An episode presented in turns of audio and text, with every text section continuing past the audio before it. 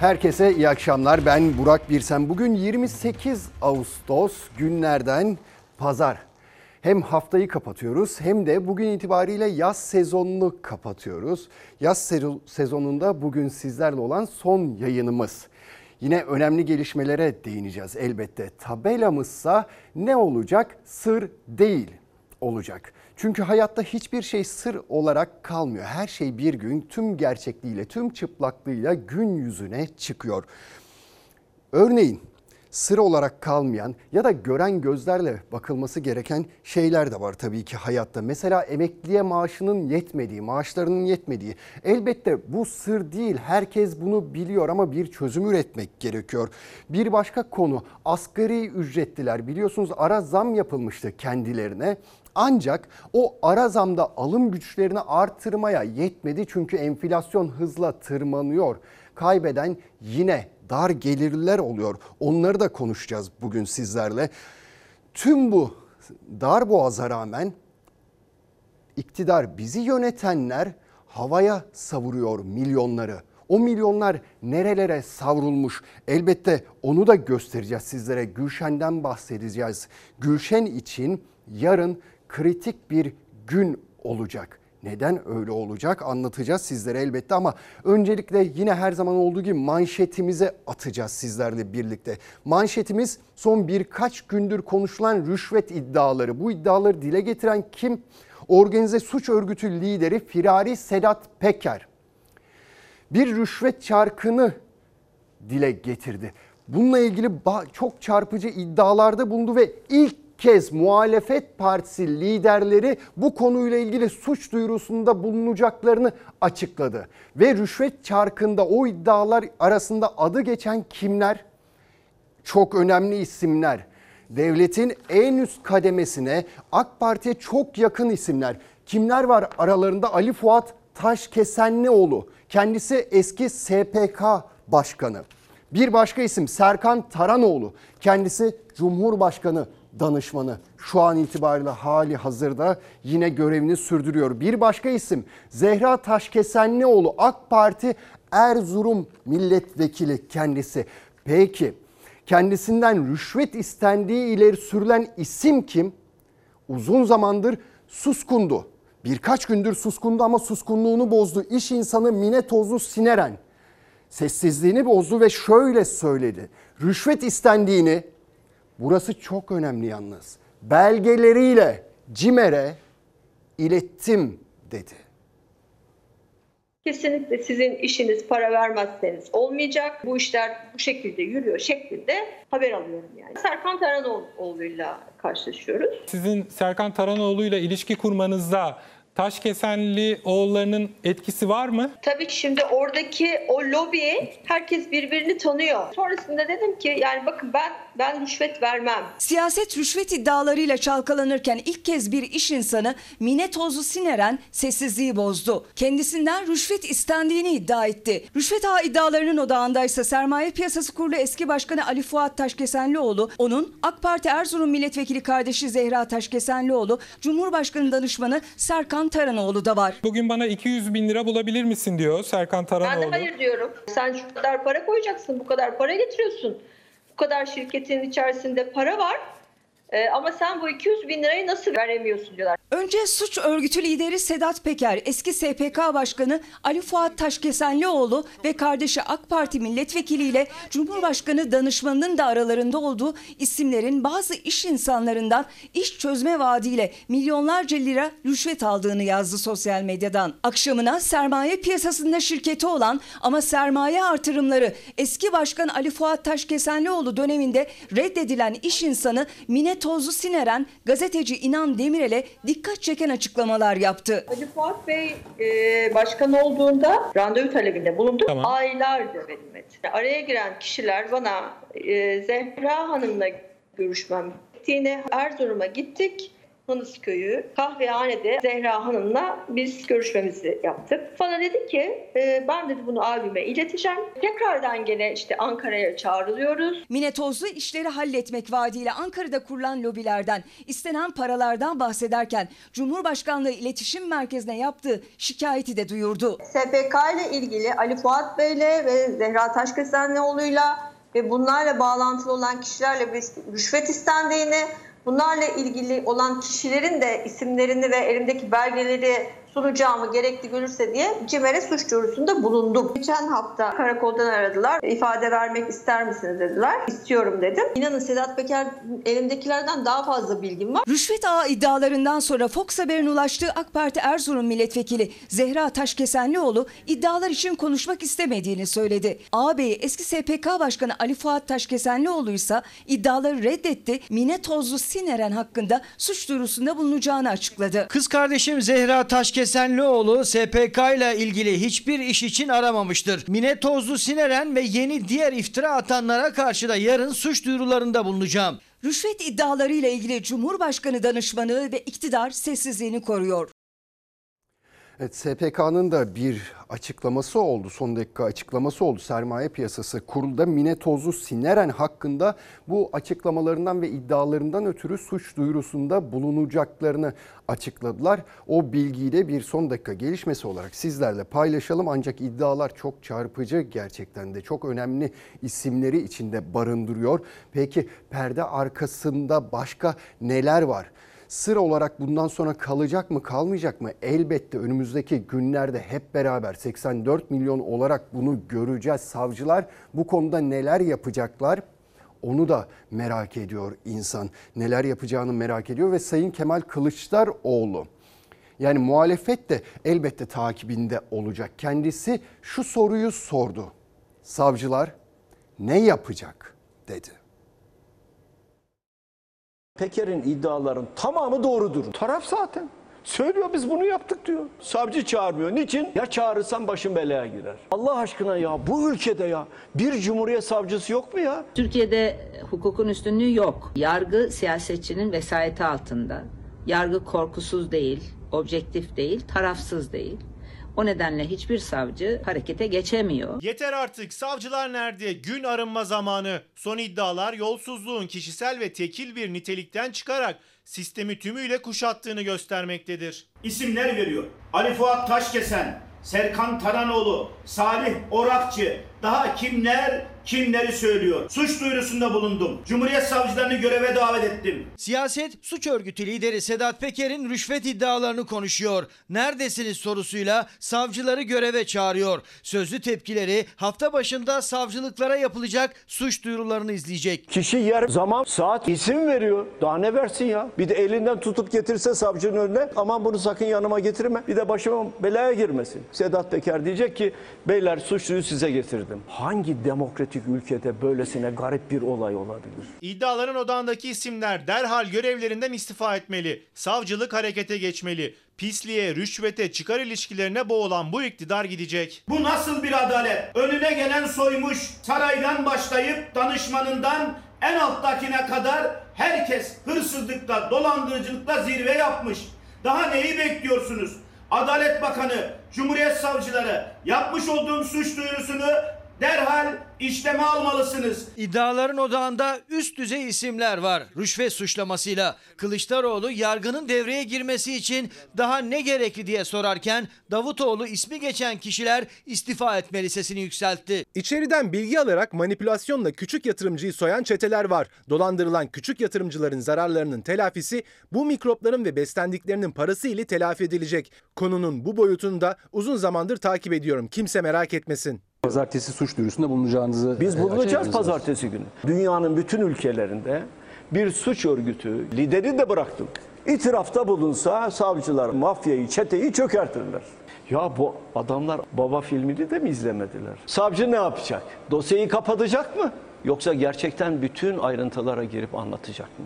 Ha bunu yapacak, cesaret edecek bir savcı bugün var mı Türkiye Cumhuriyeti Devleti'nde? Bilmiyorum. Kılıçdaroğlu araştıracak savcı var mı merak ediyorum diye de ekledi. Hedefinde iktidar da vardı. Ülkeyi yönetemez haldeler dedi. Milletin parasını çalan herkes benim için aynıdır demiştim. Bizden yana, onlardan yana tefeci yok. Hepsi millet düşmanı. Borsada soyulan küçük yatırımcı da telafi edilecek. Bu düzenden yararlanarak zenginleşen bana gelemez. Kimden yana olursa olsunlar milletten yana değiller. Saray artık Türkiye yönetemiyor.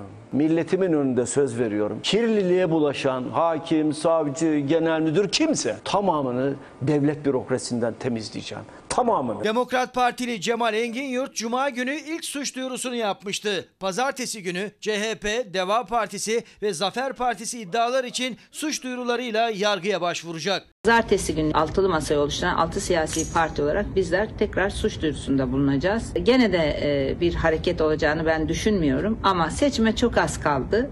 İnşallah biz alacağız. Yargı bağımsız, tarafsız ve korkusuz olacak, objektif olacak.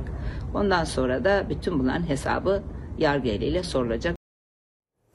Yargı hesabını umarız soracaktır. Daha önce bazı şeyler yaşanmıştı ancak hesabı pek sorulamamıştı. Bir izleyicimiz demiş ki iki kişinin bildiği şey sır değil ama bazıları için sorun değil. Hukukun üstünlüğü rafa kalktı, üstünlerin hukuku var sır değil diye bizimle paylaşmış. Şimdi Gülşen'i de konuşacağız tabii ki. Gülşen biliyorsunuz İmam Hatiplerle ilgili söylediği sözlerden ötürü tutuklanmıştı. Daha doğrusu tam da öyle değil. Sosyal medyadan gelen tepkiler üzerine Hakim Bey, Sayın Hakim bundan etkilenmiş ve tutuklanmasına karar vermişti. Sosyal medya etkili olmuştu kanunlardan ziyade tutuklanmasında. Bugün Gülşen'in tutuklanma kararı nedeniyle kadınlar eylem yaptılar. Tepkilerini dile getirdiler, tepkilerini gösterdiler yüksek perdeden. Ve yarın önemli bir gün Gülşen adına, sevenleri adına önemli bir gün. Çünkü avukatı itirazda bulunmuştu karara. Şimdi gözler üst mahkemede olacak.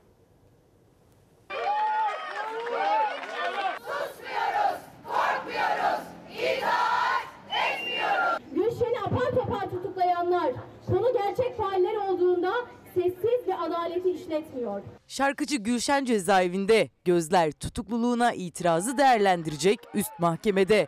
Kadınlar da ses yükseltti muhalefette. Gülşen'in tutukluluğuna tepkiler büyüyor. Siz eğer belli çevrelerden talimat alıp tutuklama yaparsanız sorun orada büyür. Bu yargıya müdahale değildir. Yargıya müdahaleyi Sayın Kılıçdaroğlu yapıyor. Olayı saptırmak için çareler arıyorlar. İki amaç var. Bir gündem değiştirmek. iki vay efendim biz imam hatiplere sahip çıkıyoruz bu lafı etti diye. 4 ay önce bir konserinde İmam Hatiplilere yönelik sözleri nedeniyle tutuklanarak cezaevine gönderildi ünlü sanatçı. Adalet Bakanı Bekir Bozdağ Gülşen'in tutukluluğunu savunurken CHP lideri Kemal Kılıçdaroğlu kararın talimatla alındığını ileri sürdü. Hakimler ve savcılarla ilgili kurs düzenlendi. O kurslarda bir kitapçık dağıtıldı. O kitapçıkta diyordu, diyordu ki şu konularda karar vermeden önce hakimler önce bize danışsın. Bekir Bozdağ bu kitapçığı bilmiyor mu acaba? Bu kurslarda verilen ve açıkça yazılı bir metni bilmiyor mu acaba? O bilmiyorsa unutmasın. Adaleti arayan bir kişi olarak ben biliyorum. Konuşuyorlar ya AK Parti yaşam tarzına müdahale ediyormuş. Yahu bizden önce yaşam tarzına müdahale etmek suç değildi.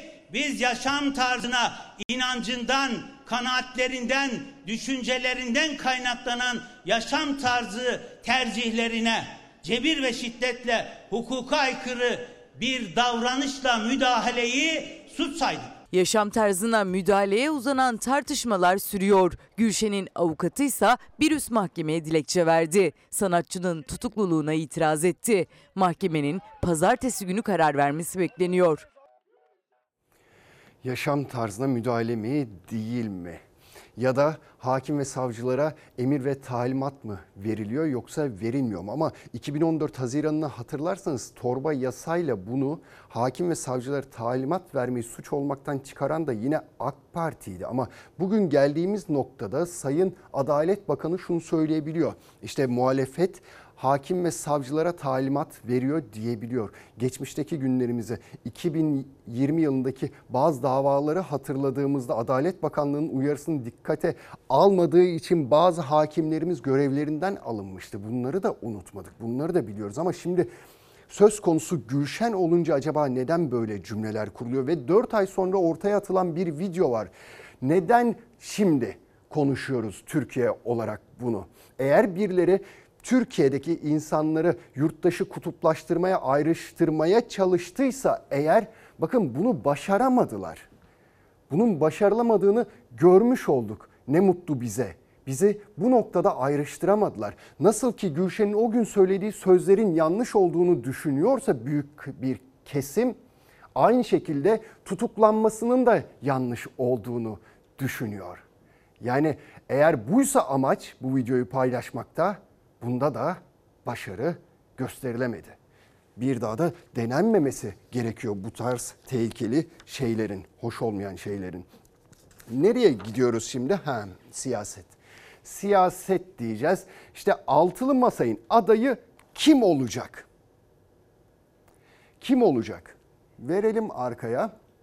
Altılı masayın adayı kim olacak? Şimdi ismi geçen birkaç kişi var. Onlardan en önemlisi İstanbul Büyükşehir Belediye Başkanı Ekrem İmamoğlu ile Ankara Büyükşehir Belediye Başkanı Mansur Yavaş ve tabii ki CHP Genel Başkanı Kemal Kılıçdaroğlu. İşte iki belediye başkanının, CHP'li iki belediye başkanının aday olup olmayacağı kendisine soruldu ve bakın o soruya Sayın Kılıçdaroğlu ne dedi? 13. Cumhurbaşkanı adayı Millet İttifakı'nın adayı olacaktır, kazanacak. Peki, şu, siz 2 Ekim günü masaya kardeşim ben CHP'nin adayıyım ve Cumhurbaşkanı adayı olmak istiyorum diyecek misiniz? Hayır. Altı lider oturup buna karar verecek. Hiç Olası adaylar ki. üzerinden- Yeri ve zamanı gelince konuşulacak. Kılıçdaroğlu o randevuda masaya adaylığını getirecek mi? CHP lideri yine ser verip sır vermedi. Topu altılı masaya atarak noktayı koydu. Altı liderin bir araya gelip konuşmadığı bir konuda benim kalkıp konuşma yapmam kadar garip bir şey olamaz. Elbette aday olmak konusunda bir problem yok insanların. Kemal Kılıçdaroğlu da dahil olmak üzere. Kılıçdaroğlu'nun altılı masanın ittifakıyla aday olma ihtimaline ne dersiniz? Güçlü de bir ihtimal olabilir. Muhalefetin altılı masasındaki isimlerden Akşener, Kılıçdaroğlu'nun adının öne çıktığı yönündeki soruya bir problem yok. Karamollaoğlu da güçlü ihtimal demişti. Kılıçdaroğlu kendi ismi için renk vermedi. Israrla ortak karara vurgu yaptı. Altılı masanın adayı kazanacak derken iddialıydı. Benzer bir çıkış Cumhur İttifakı'ndan da geldi. Hiç endişe etmeyin. Altı liderin çıkaracağı aday 13. Türkiye Cumhuriyeti Devleti'nin onurlu Cumhurbaşkanı olacaktır. Süslü bir kelam bulmuşlar. İnşallah biz öyle bir aday koyacağız ki kesin kazanacak. Ne diyeceksiniz yani bizim kazanamayacak bir aday üzerinde mi anlaştık diyecekler. İster Kemal Bey'i koysunlar hiç fark etmiyor bizim için. Bunlar her şeyi yapmaya kalkarlar yani. Enteresan bir dünyaları var bunların. Yani hayatımda bu kadar koltuk meraklısı bir iktidar görmedim ya. İlla koltuk. Ya koltuk insana bir şey vermez kardeşim. İyi Parti İstanbul İl Başkanı Buğra Kavuncu'nun Ankara Büyükşehir Belediye Başkanı Mansur Yavaş'ın adaylığı üzerine söylediği sözlerden sonra Yavaş ve İmamoğlu'nun adaylık ihtimalleri de soruldu Kılıçdaroğlu'na. En çok duyduğumuz isim de Mansur Başkan'ın ismi. Mansur Yavaş sahada. Ekrem Başkan'la ilgili de e, duyuyoruz. Mansur Yavaş'la ilgili bir e, ağırlık olduğunu biz e, gördük bu süre içerisinde. Olası aday listesinin tümüyle kategorik olarak dışında mı Sayın İmamoğlu ve Sayın Efendim Yavaş? öyle bir liste olmadı ki kategorik olsun veya olmasın. İki aday var karşınızda biri Sayın İmamoğlu biri Sayın Mansur Yavaş. Ee, sizin gönlünüz hangisinden yana olur? Bu soruya cevap vermemi istiyorsunuz. İkisi de değerli. Evet. İkisi de başarılı. Siz bana diyorsunuz ki bunlardan kimi seçersin? Olmaz. Hayır önünüze gelirse diyor. Yok olmaz. Önümüze böyle bir şey gelmez. Gelmez. Bir kez daha iki ismin adaylığına kapıyı kapattı CHP lideri. Masaya isimleri gelmez diyerek. Kılıçdaroğlu isminin öne çıktığı tartışmada siyaset muhalefetin adayı kim olacak sorusuna yanıt arıyor.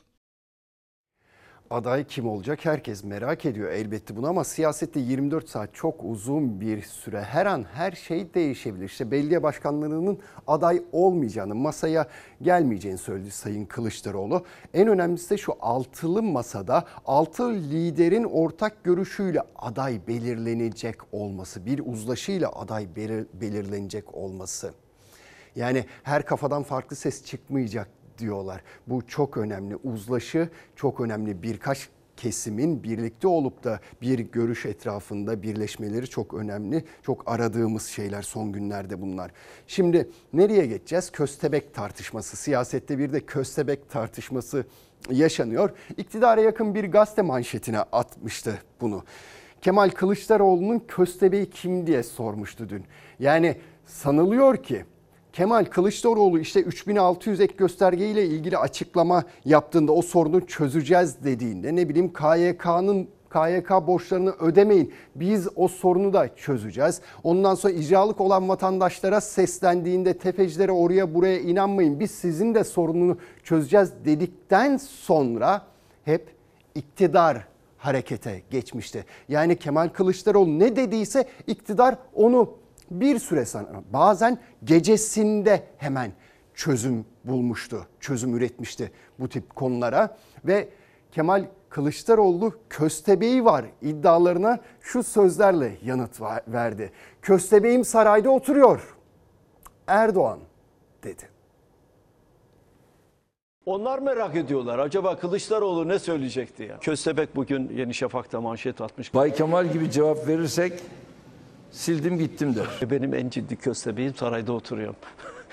Erdoğan. İktidara yakın Yeni Şafak gazetesinin attığı Bay Kemal'in köstebeği kim manşetine Kılıçdaroğlu köstebeğim Erdoğan cevabını verdi. Gazete hükümetin atacağı adımları önceden haber alarak rol kapmakla suçladığı Kılıçdaroğlu için bu kez panikledi başlığını attı. İktidara yakın gazete köstebek ararken Kılıçdaroğlu cevabı köstebeğim Erdoğan diyerek mizahi bir üslupla verdi. Yaptığımız açıklamalar okusalar buna ihtiyaç duymazlar. Bugün Türkiye'nin içinde yaşadığı tablo gereği zaten bu yapılmak zorunda. 3600'ü de söyledim, taşeron işçileri de söyledim, ayakkabıları söyledim, borçları söyledim, EYT'leri de söyledim dedin. ki bunları yıllardır söylüyorum. Bizim Çalışma Bakanımız zaten bu işin üstadı, kompedanı. Söyledi, günde verdi. EYT'liler meselesi hallolur. Dar gelirli vatandaşlarımızın da hep yanında olmaya devam ediyor. Yaklaşık 30 milyar lira tutarındaki icralık borçlarını yakında tasfiye ediyoruz. Rol kapmaya dönük her yeni manevranız tüm milletimizde bir kez daha dejavu duygusuna sebep oluyor. İktidarın geniş toplum kesimlerini ilgilendiren sorunların çözümü konusunda atacağı adımlarla ilgili bürokrasi cephesinden Kılıçdaroğlu'na bilgi sızdırıldığı iddiası. KYK borçları ve otomobilde ÖTV düzenlemesiyle gündeme geldi. Bu başlıkları son halkada icra affı izleyince köstebek polemiği alevlendi. Milyarları götürüyorlar, devleti soyuyorlar, Beytülmal'a el uzatıyorlar. Onlara bir şey demiyorsun. Gıkın çıkmıyor.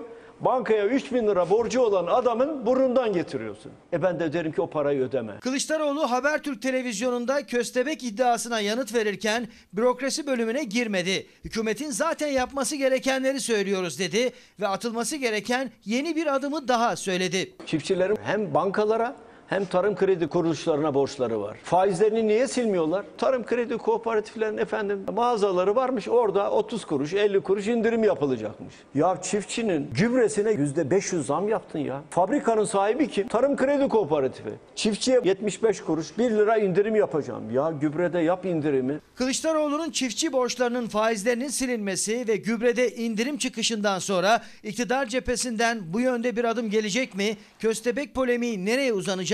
Merak konusu. Tabii seçimler yaklaştı. Şimdi her siyasi parti lideri vaatlerini dile getiriyor. Şunu yapacağım, bunu yapacağım diyor. İşte Kemal Kılıçdaroğlu bir adım daha ileri gidiyor. Sakın o borçları ödemeyin diyor. Denebilir ama 20 yıldır bekleyen sorunlardı bunlar. 20 yıldır tozlu raflarda bekliyorlardı ve maalesef 20 yıldır bizi yönetenler bu sorunlara çözüm bulmamışlardı ya da bulmak istememişlerdi ama seçimler yaklaşıyor ve liderlerin haklı olarak vaatlerini sıraladığı şu günlerde Kemal Kılıçdaroğlu bir şey söyledikten sonra AK Parti iktidarı bunu hayata geçirir hale geldi. Seçimler yaklaşırken bunu da görmüş olduk. Ama şimdi göreceksiniz. Asgari ücretlinin durumundan bahsedeceğiz. Maaşlardan bahsedeceğiz. Memur emekli maaşlarından bahsedeceğiz. Bunlar sır değil ya da şunu da konuşacağız elbette. Havaya savrulan şu geçtiğimiz zor günlerde dar boğazda havaya savrulan milyonlar var bir de. İktidarın bizi yönetenlerin milyonlarca lira harcayarak yaptırdıkları havalimanları var ve şu anda kuş uçmaz kervan geçmez halde. kullanılmıyor. Atıl halde duruyorlar. Çünkü iktidar istedi, yaptırdı. Havayolu şirketleri müşteri bulamıyorlar. E biz vergilerimizle parasını cebimizden ödüyoruz. Yani uçtu uçtu, milyonlar uçtu. havalimanları yapılırken tüm e, büyük e, altyapı projelerinde olduğu gibi önce bir ihtiyaç tespiti yaparsınız. Fizibilite yaparsınız. Fizibilitenize de ihtiyacınıza göre bir büyüklük belirlersiniz. E, buraya yılda e, 100 bin uçak iner, 40 bin uçak iner. Onların bir belirli bir kapasiteleri vardır. Ondan sonra yöntem belirlersiniz. Bizde bunların hiçbirisi yapılmıyor. Balıkesir Merkez, Uşak ve Gökçeada havalimanları milyonlarca lira harcanılarak yapıldı, atıl halde duruyor. Personel giderleri devam ediyor ama havalimanları kullanılmıyor. Neden sefer yapılmadığı soruldu. Cumhurbaşkanlığı İletişim Merkezi CİMER'den gelen cevap uzmanları bile şaşırttı. Çünkü sorumluluk o havalimanlarını planlayanlara değil, havayolu şirketlerine yüklendi. Hava taşıma işletmelerinin serbest piyasa koşullarında faaliyet gösteren ticari kuruluşlar olması nedeniyle uçuş sayısının artırılması aktarmalı ya da aktarmasız uçuş ile seferin icra edilmesi gibi konular işletmelerin kendi uhdesindedir. Yapmışsın Kütahya Havaalanı'nı 2 milyar dolara yapıyorsun diyelim 50 milyar dolar garanti veriyorsun. Fakir fukaranın parasını veriyorsun. Yavuz Sultan Selim Köprüsü yapıyorsun. Hastane yapıyorsun. Eyvallah tamam yap. Kaça yaptın? Ticari sır efendim bu. 10 milyar euroluk bir yatırım yaptırdık devletten bir kuruş çıkmadan ve 25 yıl sonucunda da tam 26 milyar euro bir kira geliriyle burayı buradaki sözleşmeyi 25 yıl sonra kapatacak. İstanbul Havalimanı ile ilgili de devletten tek kuruş çıkmadı sözünü yineledi Ulaştırma Bakanı Adil Kara İsmailoğlu. Ekonomi profesörü Uğur Emek ise henüz kira bedellerinin bile alınmadığına dikkat çekti. Havalimanı e, birinci kısmı bitti. Daha havalimanı yapılmadı. Onu bir e, Sayın Bakan'a birileri söylesinler. Madem havalimanı çok karlı da 3 yıldır kira, kiraları niye erteleniyor? Niye ödemiyorlar havalimanı işletmecileri kiralarını? Niye ödemiyorlar? Devlete yükümlülüklerini niye yerine getirmiyorlar? CHP Zonguldak Milletvekili Deniz Yavuz Yılmaz ise 15 milyar liralık vurgun iddiasıyla devlet hava meydanları işletmesi hakkında suç duyurusunda bulundu. Beş ayrı onarım ihalesinin adrese teslim belirli şirketlere verildiğini ileri sürdü. Bu 5 ihale kanunda koşulları oluşmadığı halde 21B pazarlık usulüyle adrese teslim olarak yapılıyor. 21B pazarlık usulü modeli kanunda belirtildiği üzere sadece doğal afetler, sel, deprem ve ivedilik gerektiren işler için kullanılması gereken istisnai bir yöntem. Ancak AK Parti bu yöntemi tüm devlet kurumlarının yaptığı ihalelerde kullanıp adrese teslim sadece ihaleye davet ettiği 3 veya 5 şirkete bütün işleri veriyor. Milyonlar şu dar zamanda milyonlar işte bu şekilde maalesef havaya savruluyor. Şimdi deniliyor ki işte Cumhurbaşkanı da söylüyor bunu, Ulaştırma Bakanı da söylüyor. Devletten 5 kuruş para çıkmadı diyor. Çıkıyor.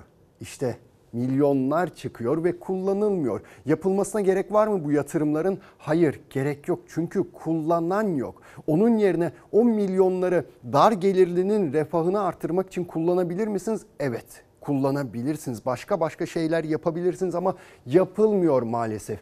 Dar gelirli mutlu edilmiyor. Bir grup azınlık maalesef mutlu ediliyor burada. Kimler? Onlar da müteahhitler oluyorlar. Ne yazık ki. Şimdi asgari ücretli mutlu mu peki? Asgari ücrette, ücretli de mutlu değil. Asgari ücrete ara zam yapıldığında 5500 lira olduğunda bunu konuşmuştuk zaten. Mutlu edemez. O gün belki yüzünüzü birazcık güldürebilir ama 3 gün sonra bu enflasyon böyle artmaya devam ettiğinde, vergi dilimleri düzenlenmediği takdirde sizi mutlu edemeyeceğini söylemiştik. Bugün çalışanlar işte o noktadalar. Mutlu değiller ve asgari ücrete güz zammı istiyorlar. Asgari ücret alıyorum ama yetmiyor yani. Ne elektriğe, ne suya, ne gaza, ne başka bir şeye. Markette mesela 5 poşet alırken şimdi bir poşeti zor alıyorsun. Asgari ücret zamlanmasına rağmen. Yani doğru düzgün market alışverişi yapamıyorum. Doğru düzgün çocuklarıma bir şey yapamıyorum. Kiralar aldı başını gitti.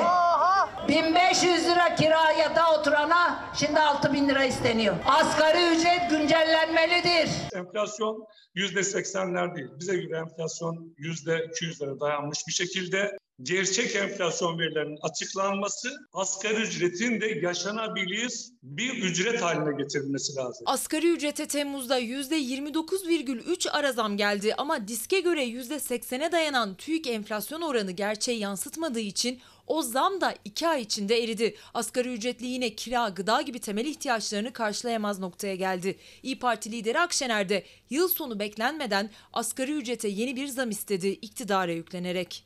38 milyar lirayı yandaşının cebine koyacağına asgari ücretliyi günün şartlarına getirebilirdin. Ne kadar olmalı sizce? 7 bin civarları. Yani bu şu ankinden 1,5 milyar daha fazla gibi. Çünkü 5500 yetmediği için o 1,5 milyar her kesi eksiye düşürüyor her ay. ya da 12 bin liranın üzerinde olması lazım ki. Yani normalde bir kirada olan bir insanın hayatını idame edebilmesi için, bak lüks yaşamasını demiyorum, iyi yaşamasını demiyorum. Sadece e, hayatta kalabilmesini söylüyorum. Ya bir yumurtayı düşünün, affedersin bir hıyarı düşünün. Ya bir 6 ayda yüzde 500 zam gelmiş ya düşünebiliyor musunuz? Yüzde 500. Hangi asgari ücrete, hangi maaşa yüzde 500 zam geliyor? Asgari ücretli ara zam aldığında yıllık enflasyon %73,5'tu. Dolar kuru da 16 lira 70 kuruş seviyesindeydi. 5500 lira asgari ücret 329 dolar ediyordu. 2 ayda TÜİK'e göre enflasyon %79,60 oldu. Dolar kuru da 18 lira 16 kuruş. 5500 lira asgari ücret 302 dolara düştü. Sadece 2 ayda asgari ücretlinin cebinden 27 dolar. Bugünün kuruyla 490 lira eridi. Başka bir hesapla sofrasından 122 ekmek eksildi. Markete gitti çocukla. 700 lira gitti sadece kahvaltılık değil. 700 liralık ne aldınız?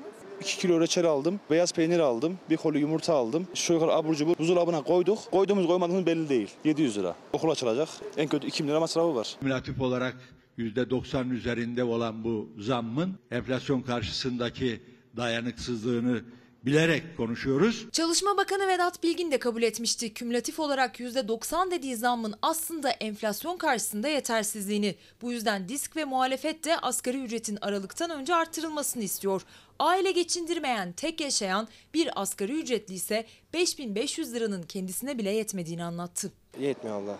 Vallahi yetmiyor. Cebimde göstereyim 30-40 lira para bile yok yani şu an. Ev kirası, elektrik, su, telefon faturaları falan. Kalmıyor öyle. Zaten yani hayatta kalmak için, temel ihtiyaçlarımızı karşılamak için işe gidiyoruz. Kalmıyor cepte para kalmıyor. Kalmaz da zaten Metin Bey demiş ki sır değil geçinemiyoruz demiş. Geçinemezsiniz. İşte asgari ücrete güz zammı yapılsa da baharda sonbaharda zam yapılsa da yine 1-2 ay sonra geçinemiyoruz diyeceksiniz. Bir başka zam daha isteyeceksiniz.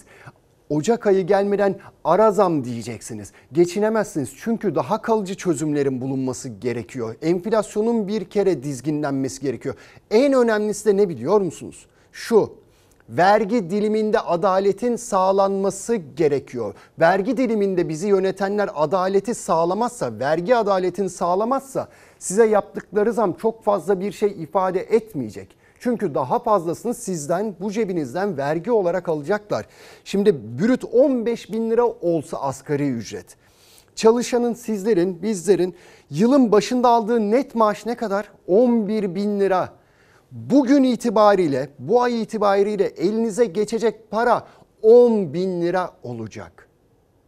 Yani 5 bin lirası vergiye gidecek. Çünkü vergi dilimlerinde adalet yok. Oysa ki bizi yönetenler vergi diliminde adaleti sağlasalar bizlerin cebine, sizlerin cebine daha çok para girecek. İşte çocuğunuzun ihtiyaçları için biraz daha fazla para harcayacaksınız. Mutfak mutfak masrafı için biraz daha para harcayacaksınız. Çarklar dönmüş olacak. Ve KDV'si yine size gelecek. Ama bunu düşünmüyorlar. Vergi adaletini maalesef sağlamıyorlar ama sağlanması gerekiyor. Emeklilere gideceğiz. Emeklilerimiz de tabii ki 3500 lira emekli maaş var. Yaşanır mı? Yaşanmaz. Çünkü açlık sınırı 7 bin liranın üzerinde bu ülkede. Ve onlar da istiyorlar ki en düşük emekli maaşı asgari ücret kadar olsun. Emekli olarak geçinebiliyor musunuz? Ne para yetiyor ne pul yetiyor. 4805 lira maaş alıyorum. 10 günü bulmuyor para bitiyor. Ayın geri kalanında ne yapıyorsunuz? Bir şeyler yapmaya uğraşıyoruz ama zor yani işimiz zor. Bir de kış var önümüzde. E, kış var ya kış sorun. Allah sonumuzu hayır etsin. Bu kışı nasıl yaparız bilmiyorum. Daha şimdiden yaklaşan kışı, kışın gelecek faturaları nasıl ödeyeceğini düşünüyor emekli. Çünkü aldığı maaş kirasını bile karşılamıyor. 5 bin lira maaş 10 güne zor yeterken milyonlarca emekli en düşük emekli maaşı olan 3500 lirayla yaşamaya çalışıyor. Bu yüzden maaşına zam istiyor emekli. En düşük asgari ücret kadar olsun istiyor. asgari ücretin yeniden belirlenerek e, açık sınırın üzerine çekilmeli ve en düşük e, emekli ücretinin de asgari ücret seviyesine çekilmesi olmazsa olmazımızdır. En az 7 milyar olması lazım. En az diyorum. Geçinmekte zorluk çekiyoruz yani. Bir kavurma alayım dedim. 200 liradan kilosunu ver koymuş yani. E bıraktım yerine. Almadın mı? Nasıl alayım ki? Emekli maaşına geçiren insan alır mı onu? 10 bin lira olması lazım ama şu anda yine de yani yetmez. En düşük emekli maaşı asgari ücretinde açlık sınırının da altında. Diske bağlı emekli sende asgari ücretin açlık sınırına çıkarılmasını, en düşük emekli maaşının da o seviyeye yükseltilmesini talep ediyor. Gerçek enflasyonun %175'i aştığını görüyoruz. Dolayısıyla verilmiş olan zamlar dahi e, asgari ücretlinin de emeklinin de cebine girmeden eriyip yok olup gidiyor. 14 milyon emeklinin yaklaşık yarısı 6-7 milyonu ikinci bir işte çalışmak zorunda ya da iş arıyor durumda. Efendim geçinebiliyor musunuz maaşınızla? Şey, işe gidiyorum. İkinci iş kiraya yetmiyor emekli. Bir şey yemeyeyim mi? Bir şey içmeyeyim mi? Ailemi alıp götürüp bir yerde su da olsa içmeyeyim mi? Bir günde bitiyor kızım bir günde. O gün yatıyor, ertesi gün bitiyor para. Geri kalan günlerde ne yapıyorsunuz? Geri kalan günlerde kart kullanıyorum. Borcunuz var mı? Var. 50 milyon. 50 bin lira. 50 bin lira borç. Evet. Yiyoruz, içiyoruz. Banka kartına gidiyor. O karttan alıyoruz, o karta yatırıyoruz. O karttan alıyoruz, o karta yatırıyoruz. Hem faiz birikiyor hem borç birikiyor. Gıda borcu, telefon borcu, su borcu, aidat borcu, Temel ihtiyaçlar. temel ihtiyaçlar. Emekli borç batağında temel ihtiyaçlarını karşılayabilmek için kredi çekiyorlar. Bazı emekliler çocuklarını üniversiteye bile yazdıramıyor. Bazılarının ise faturalarını çocukları ödüyor. Birçok emeklimiz öğrencisini kendisinin yaşadığı ilin dışında bir okulu kazanmışsa çocuklarını okutamaz durumdalar. Birçok emeklimiz bugün çocukları üniversiteyi kazanmış olmasına rağmen başarılı çocuklarımız okullarına kayıt yaptıramaz durumdalar. Faturaları çocuklar ödüyor. Onlardan sıkıştım mal alıyorum. Ne yapayım başka çarem yok. Başka çare olsa Çocuklar olmasa? aç kaldık. Cumhurbaşkanı Erdoğan yazın başında ucuzlayacak demişti ama maalesef ağız tadıyla meyve de yiyemedik sebzeden. Baksana fiyatlara ya ne yapacağımızı şaşırdık artık biz. 10 liranın altında kesinlikle meyve yoktur. Bunu mu alacaksın, onu mu alacaksın, onu mu alacaksın? Boş geldik, boş gidelim. 10 liradan kilosu hiçbir şey yok yavrum. 10 liradan aşağı bir şey yok. İnsanın bir hayali vardı.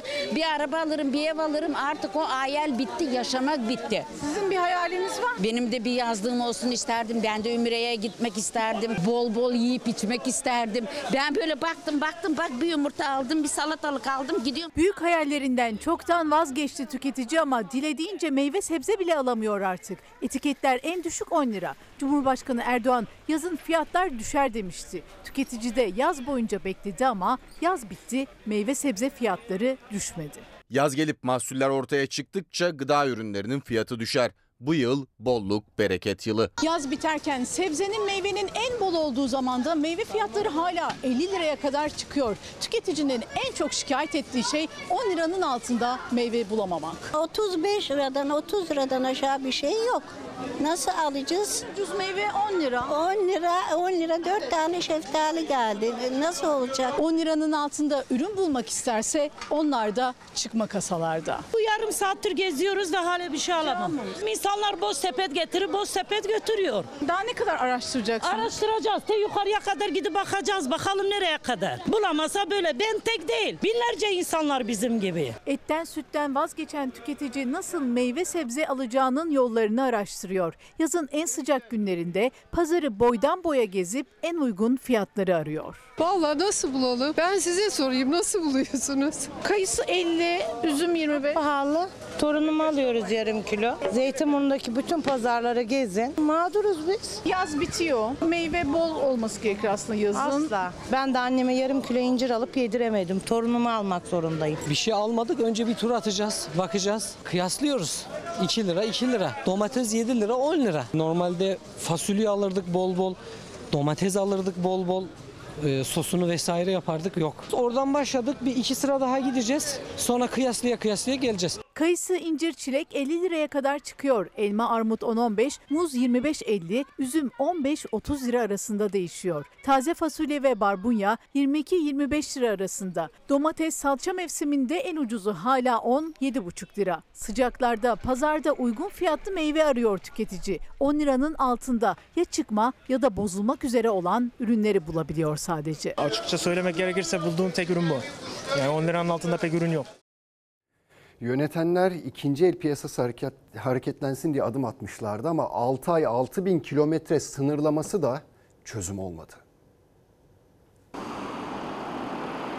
Fiyatlarda da bir e, küçük de olsa bir düşüş oldu ama e, gerçekten alım gücü çok düşük olduğu için satışlara hiçbir şekilde bir yansıması olmadı yani. Gerçekten yaprak kıpırdamıyor gibi diyebiliriz yani. Sıfır otomobil bulunamıyor. İkinci el fiyatları sıfır fiyatlarını geçiyor. İkinci elde fiyat düşüşünü sağlamak için hayata geçirilen düzenlemede beklenen etkiyi yaratmadı. Galerilere getirilen 6 ay ve 6 bin kilometreden önce satış yasağına rağmen değil indirim uzmanlara göre hem sıfır hem ikinci elde yeni zamlar kapıda. Düzenleme ile beraber %5 ile 8 arasında kısmi bir indirim olduğu söyleniyor. Sıfır otomobil gelen araçlar zamlı geldiği için sıfır otomobile bağlantılı olarak ikinci el otomobil fiyatları da ne yazık ki artmaya devam edecektir. Bu ticari araç bundan bir hafta önce 875 bin liraya satılıyordu. Şu anki fiyatı 849 bin lira. Bir haftalık sürede 26 bin liralık indirime rağmen hala alıcı bulamadı. Alıcı olmadıktan sonra bunu yani siz 700 bin lira indirseniz bir çözüm olmuş olmuyor. İkinci el otopazarlarında müşteri bulmak neredeyse imkansız. Hem alım gücü düşük hem de kredi faizleri yüksek. 100 bin liralık kredi için bile ayda 6 bin lira ödemesi gerekiyor tüketicinin. Cebinde bir miktar parası olup otomobil almak isteyen de faizi görünce vazgeçiyor. Alım gücü zaten çok az, düşük.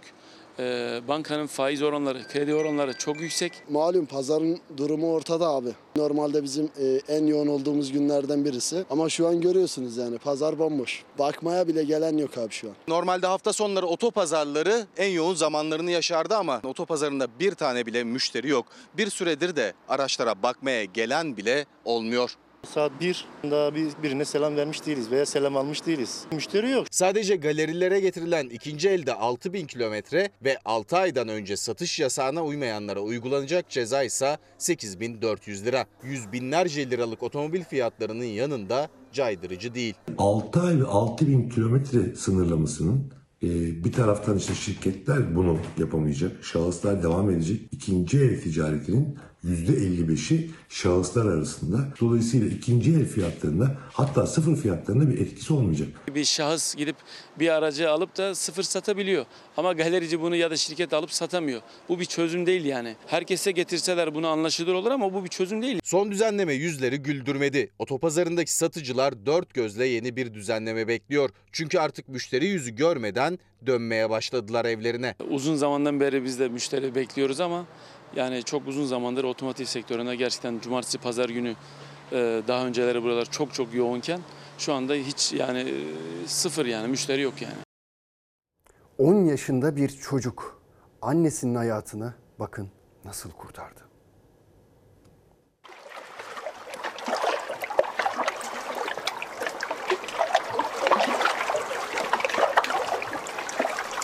Yaşındaki çocuk havuzda epilepsi nöbeti geçiren annesini boğulmaktan kurtardı.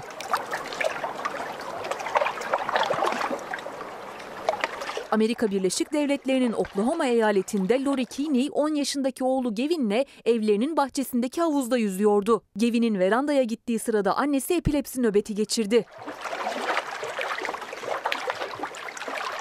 I just went into a seizure. It scared me more than I've ever been scared. I heard a splashing and drowning ish, and then I looked, and then she was seizing in the pool. Gavin durumu fark edince koşarak havuza atladı. Annesini kucakladı. Boğulmaması için yüzünü su üstünde tutmaya çalışarak merdivene taşıdı. Scared a little bit Gevin annesini havuzdan çıkarmaya çalışırken dedesi yardıma koştu. Talihsiz kadını sudan çıkarttı. Epilepsi nöbetini atlatan anne daha sonra sosyal medyadan havuzun güvenlik kamerası görüntüsünü paylaştı. Oğlunun bir kahraman ve koruyucu meleği olduğunu söyledi. Polis de 10 yaşındaki Gevin'e gösterdiği cesaret nedeniyle ödül verdi. Maaşlarıyla Şimdi, ilgili şimdi bir bunları konuşmayacağım. Orada orada konuşuyorum. Bütün milletimize İstanbul Büyükşehir Belediye Başkanı meseleyle ilgili açıklaması oldu. iyiliğin zamanı. Hadi bakalım. Gerçeğin peşine düştük, ısrarla sorduk. Bu ziyaretlerden CHP Genel Merkezi rahatsız mı? Mutlaka selamımı ilet der. Başkent Kızı'nın Ensar Vakfı'na aktardığı 7 milyon 925 bin dolar vergi kaçırıldığını iddia ediyorlar. Sıcak anların tanığı olduk. Yanında iki binada da ağır hasar vardı. Çatısından alevler yükselen hastaneyi şu anda söndürme çalışmaları devam ediyor. Haberi yerinden aktardık. Polis engel olmaya çalışıyor, sağlık çalışanları ise yola çıkmaya çalışıyor. Çorlu'da yakınlarını kaybeden aileler yürüyüşe geçtiler. Kameralar önünde konuşulmayanı anlattık. Başkent kulislerinin perdesini araladık. Güçlendirilmiş parlamenter sistem hedefiyle yürüyoruz dediler. AYM kararıyla meclisin kararı yok hükmünde sayılmıyor. Çocuğuna diyor yapacak bir tarla satıyor. Süt satışı da bitti. Gerçek çiftçi bu ülkenin köylüsü faydalanabiliyor. Birlikte dertlendik. Bunun için para istemeyin. Bu iş çözülmeyecek. Sormak isterim sosyal devlet anlayışı nedir? Memleketteki bütün kalemlere bakacağız. Anıtkabir avlusunda o özlem daha ayrı. Belli branşta hasta kabul eden özel hastanelerin Sadece 2 milyon çalışanı ilgilendiriyor. Sabah erken saatlerinde gelip sıraya girip bu balçık bayağı vakum gibi çekiyor. Bombanın düştüğü yer işte tam da burası. İçeride kalanlar dışarıya çıkartıldı. Kurulan işte o teleferikler. Elektrik ve suları kesildi. Satışı arttırmak için yumurtada kampanya yaptı. Üstelik bir de başvurup da alamayanlar var. Araştırdık, takip ettik, işin aslını anlattık. Tüm bu haberleri hazırlarken gücümüzü sadece ve sadece sizden alıyoruz. Yine soracağız, sorgulayacağız, saklamayacağız. Yalanı, talanı, olanı biteni anlatmaya devam edeceğiz. Bağımsız haberin adresi Fox Haber'de yeni yayın dönemi 29 Ağustos'ta başlıyor. Şimdi kısa bir ara zamanı. Ana haber bültenimizi burada noktalıyoruz. Bizden hemen sonra Tozlu Yaka dizisi var. Yeni bölümüyle ekrana gelecek. O dizi neyi anlatıyor? İki farklı dünyaya ait gençlerin birbirleriyle nasıl buluştuklarını, umutlarını nasıl taze tuttuklarını anlatıyor ve heyecanlı bir bölüm olacak. Kaçırmamanızı tavsiye ediyorum. An itibariyle yaz sezonunun da sonuna gelmiş bulunuyoruz artık. Artık bizi yalnız bırakmadığınız için şu dönemde tekrar sizlere teşekkür ediyorum kendim ve arkadaşlarım adına.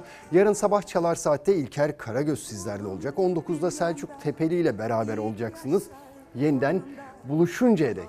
Umarım yüzünüzü güldüren güzel haberler alırsınız. Hoşçakalın.